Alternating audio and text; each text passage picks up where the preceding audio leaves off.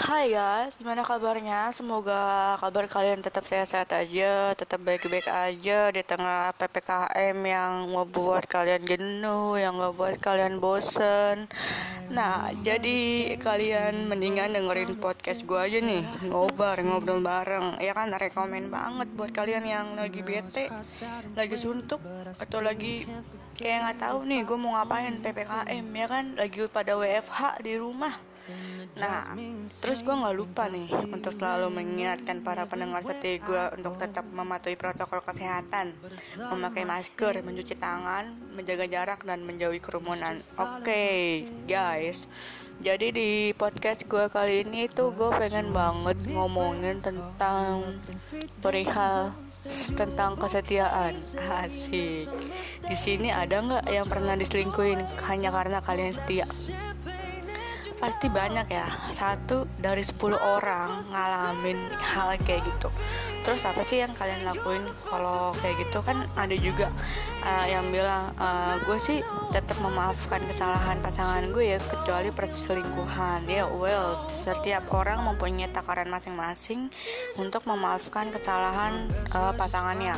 Baik itu masalah yang besar ataupun yang kecil. Nah well kalau kalian balik nanya nih ke gue kalau lu gimana cara mengatasi hal tersebut gitu. Nah kalau gue sih cara mengatasi hal tersebut ya sama yang hal pertama yang gue lakuin adalah uh, gue maafin pasangan gue terus uh, ya gue tetap milih sama dia gitu. Ya karena gue tipe orang yang gue tuh gini ya tipe orang yang mementingkan cinta gue daripada ego gue gitu. Jadi kalau ego ketemu ego ngapain lu membangun hubungan gitu mengikat janji satu sama lain gitu ber, ber apa ya berkomitmen gitu. Minimal kan kayak gitu ya baik menikah atau pacaran gitu kan komitmen itu harus ada gitu. Dan komitmen hanya diperuntukkan untuk orang-orang yang percaya sama pasangannya kayak well lu percuma nih lu bikin komitmen sama pasangan lu. Kalau di diri kalian masing-masing di diri kalian berdua tuh nggak ada keyakinan dan kepercayaan sama pasangan kalian satu sama lain gitu. Jadi buat apa? Percuma gitu. Dan cinta itu hanya untuk orang yang yakin. Kalau orang nggak yakin sama cinta lu sampai kapan pun juga lu terlalu mengaitkan mengaitkan cinta itu sama. Dari orang yang sama bukan dari orang yang berbeda. Memang banyak komitmen orang dalam menjalani hidup ini nggak harus dengan cinta. Iya gue tahu.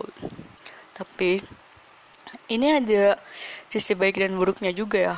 Dari kedua hal tersebut yang pertama lo nggak bisa dong nganggap semua orang tuh sama.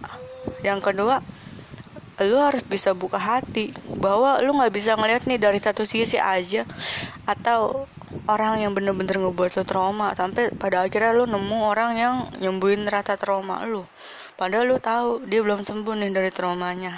Nah kalau gue lebih mementingkan cinta gue nah kunci pertamanya itu tadi lu harus yakin sama adanya cinta. Yang kedua lu harus berkomitmen ya karena tadi komitmen hanya untuk orang yang percaya sama pasangannya. Jadi kalau dibilang diselingkuhin ya gue pernah diselingkuhin lah masa nggak pernah gituin.